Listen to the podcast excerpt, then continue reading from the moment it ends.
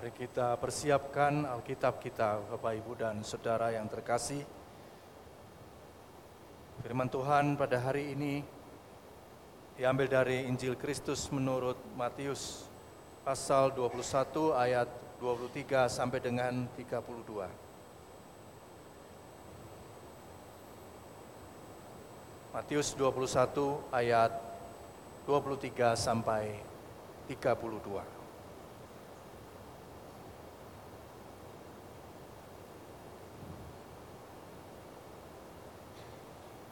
Mari kita berdoa sebelum merenungkannya.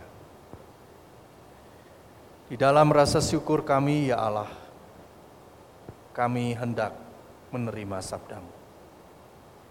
Melalui persembahan yang sudah kami kumpulkan, dan melalui puji-pujian, kami, hati kami berlimpah dengan syukur atas berkatmu. Dan biarlah ketika kami akan menerima berkatmu yang lain, yaitu sabdamu yang kudus ini, engkau menguatkan kami. Demi Kristus kami berdoa. Amin. Yesus Mike masuk Yesus masuk ke bait Allah dan ketika ia mengajar di situ datanglah imam-imam kepala serta tua-tua bangsa Yahudi kepadanya dan bertanya Dengan kuasa manakah engkau melakukan hal-hal itu? Siapakah yang memberikan kuasa itu kepadamu? Jawab Yesus kepada mereka, Aku juga akan mengajukan satu pertanyaan kepadamu, dan jikalau kamu memberi jawabnya kepadaku, aku akan mengatakan juga kepadamu, dengan kuasa manakah aku melakukan hal-hal itu. Dari manakah baptisan Yohanes? Dari surga atau dari manusia? Mereka membahasnya di antara mereka dan berkata, "Jikalau kita katakan dari surga, ia akan berkata kepada kita, kalau begitu mengapa kamu tidak percaya kepadanya? Namun jikalau kita katakan dari manusia, kita takut kepada orang banyak karena semua orang menganggap Yohanes ini nabi." Lalu mereka menjawab Yesus, "Kami tidak tahu." Yesus pun berkata kepada mereka, jika demikian aku juga tidak akan mengatakan kepadamu dengan kuasa manakah aku melakukan hal-hal itu. Apakah pendapatmu tentang ini? Seseorang mempunyai dua anak laki-laki. Ia pergi kepada anak yang satu dan berkata, "Anakku, pergi dan bekerjalah hari ini di kebun anggur." Jawab anak itu, "Aku tidak mau." Namun kemudian ia menyesal dan pergi. Lalu orang itu pergi kepada anak yang lain dan mengatakan hal yang sama. Anak itu menjawab, "Baik, Bapak." Namun ia tidak pergi. Siapakah di antara keduanya yang melakukan kehendak ayahnya? Jawab mereka, "Yang pertama." Kata Yesus kepada mereka, Sesungguhnya aku berkata kepadamu, pemungut-pemungut cukai dan pelacur-pelacur mendahului kamu masuk ke dalam kerajaan Allah. Sebab Yohanes datang untuk menunjukkan jalan kebenaran kepadamu, dan kamu tidak percaya kepadanya. Namun pemungut-pemungut cukai dan pelacur-pelacur percaya kepadanya. Kamu melihatnya, tetapi kemudian kamu tidak menyesal, dan kamu tidak juga percaya kepadanya. Demikianlah sabda Tuhan yang menyapa kita pada pagi hari ini. Bapak, Ibu, dan saudara yang terkasih, seperti apakah orang Kristen itu?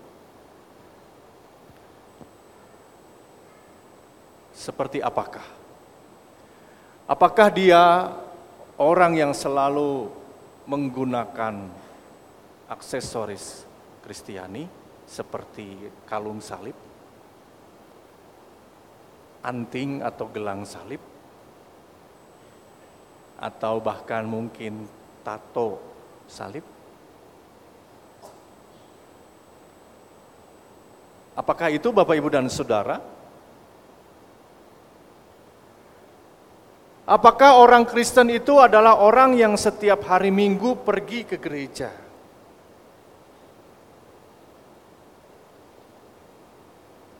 Bagaimana dengan hari yang lain? Hari Rabu misalnya. Apakah dia juga beribadah? Apakah ketika ada orang yang tidak pergi ke gereja kemudian dia bukan orang Kristen? Lalu bagaimana dengan orang yang misalnya tidak pernah beribadah?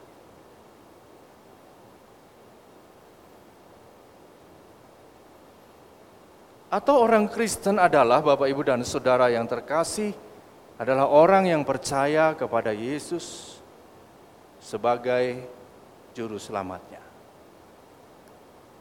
Betul ya Bapak Ibu?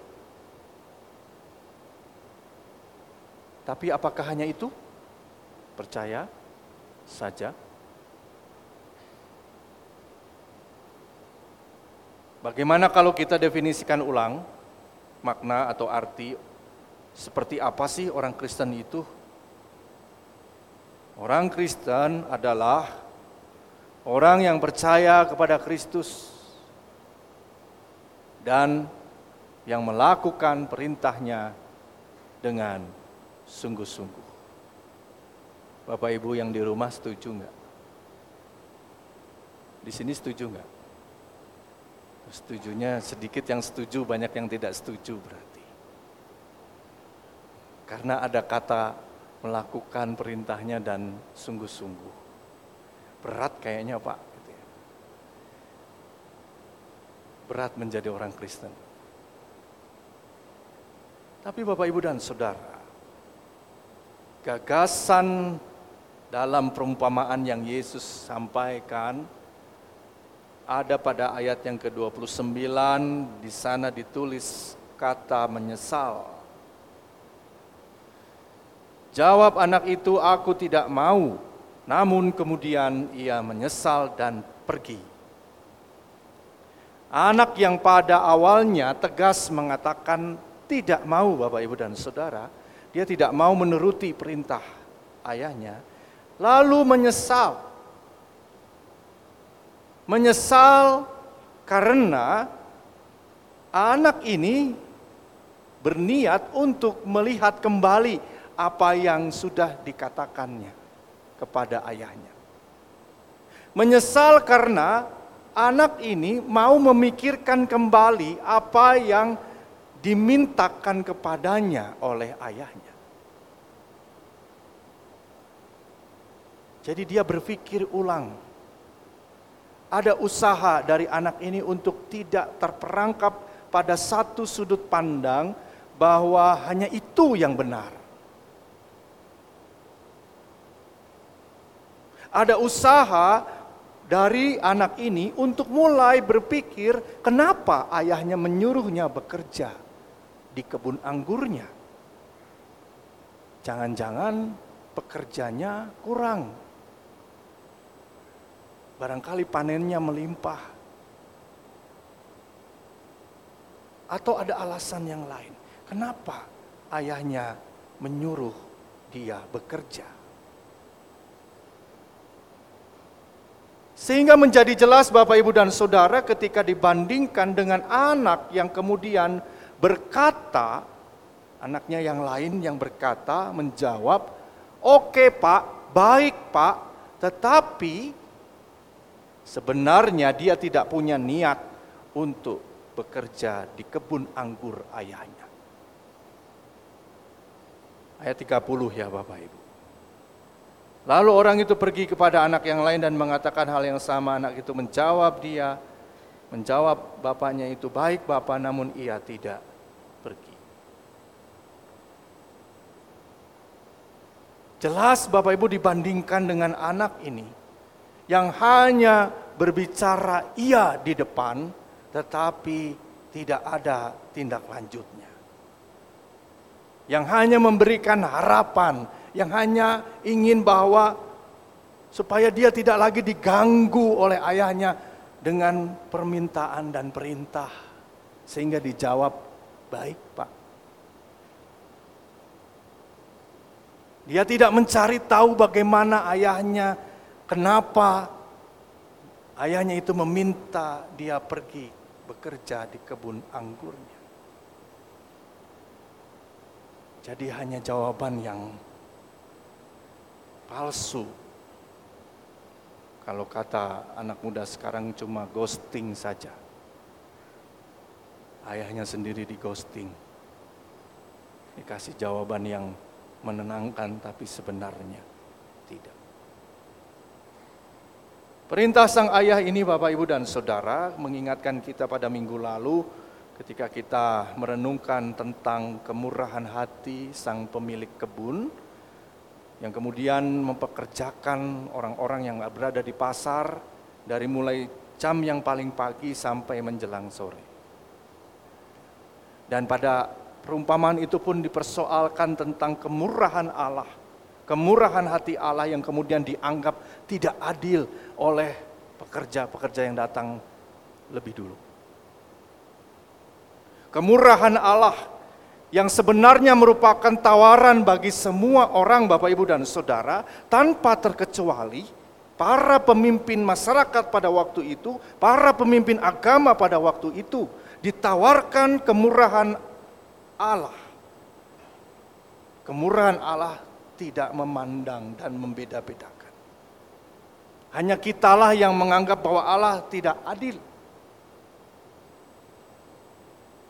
Padahal Tuhan sudah menawarkannya kepada kita. Dan jelas dalam perikop yang kita baca tadi Bapak Ibu dan Saudara, para pemimpin agama dan masyarakat pada waktu itu menjadi khawatir karena Tuhan Yesus semakin populer. Bukan saja karena mereka merasa ada saingan, tetapi karena mereka khawatir jangan-jangan Tuhan Yesus ini melakukan sebuah gerakan politik yang bernafaskan agama dan mau melakukan pemberontakan? Jangan-jangan Tuhan Yesus ini memiliki banyak pengikut lalu melakukan gerakan-gerakan makar. Dan oleh karena itu Bapak Ibu dan Saudara, ketika Yesus ditanya dari manakah kuasamu?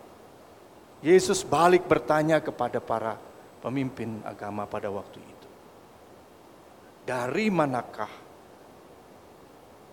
baptisan Yohanes? Ini pertanyaan yang sederhana, tetapi kemudian lalu dibuat rumit sendiri oleh imam-imam kepala dan tua-tua Yahudi pada waktu itu. Dari manakah baptisan Yohanes? Jawabannya sederhana sebenarnya dari Allah. Tetapi kita lihat di sana Bapak Ibu dan Saudara, mereka kemudian membahas, mendiskusikannya, mereka rapat istilahnya begitu. Dan berkata dalam hatinya, dalam diskusinya itu kalau dikatakan dari Allah, dari surga, maka kita akan ditanyai, kenapa kau tidak percaya? Tapi kalau dikatakan itu dari manusia, baptisan Yohanes membaptis itu dari manusia, maka mereka akan berhadapan dengan orang banyak yang pada saat itu sudah menganggap Yohanes Pembaptis adalah nabi. Dibikin rumit sendiri Bapak Ibu dan Saudara. Dibikin susah sendiri. Dan mereka ingin mencari aman dengan mengatakan kami tidak tahu. Kami tidak tahu. Ghosting lagi palsu lagi, bohong lagi. Karena jelas yang ingin disampaikan Tuhan Yesus adalah sebenarnya para pemimpin agama waktu itu tahu bahwa Yohanes menyerukan pesan Allah. Tetapi mereka tidak mau mengakuinya secara terus terang. Bukankah ini mirip dengan kita Bapak Ibu dan Saudara? Ketika kita tahu apa yang seharusnya kita jawab, kita, kita, kita tahu apa yang sebenarnya, tapi kita tidak mau mengakuinya. Kita kemudian mencari alasan dan pembenaran. Berbeda dengan Tuhan Yesus yang tidak menyembunyikan pandangannya tentang Yohanes Pembaptis. Di ayat 32 dikatakan di sana, dia berkata bahwa Yohanes datang untuk menunjukkan jalan kebenaran. Tuhan Yesus mengakui bahwa penugasan Yohanes datangnya dari Allah sendiri.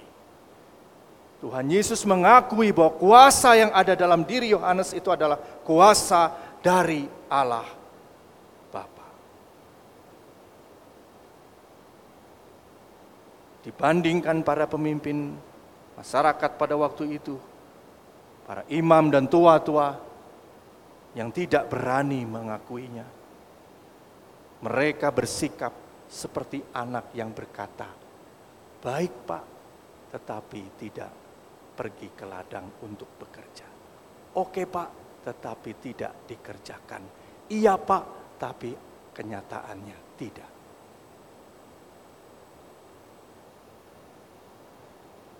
Yesus kemudian membandingkan Bapak, Ibu, dan Saudara.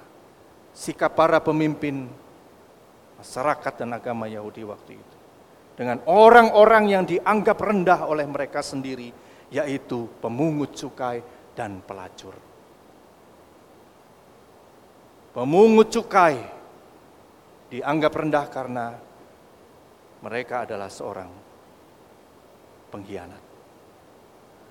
Perempuan sundal atau pelacur dianggap rendah karena tidak punya kesetiaan.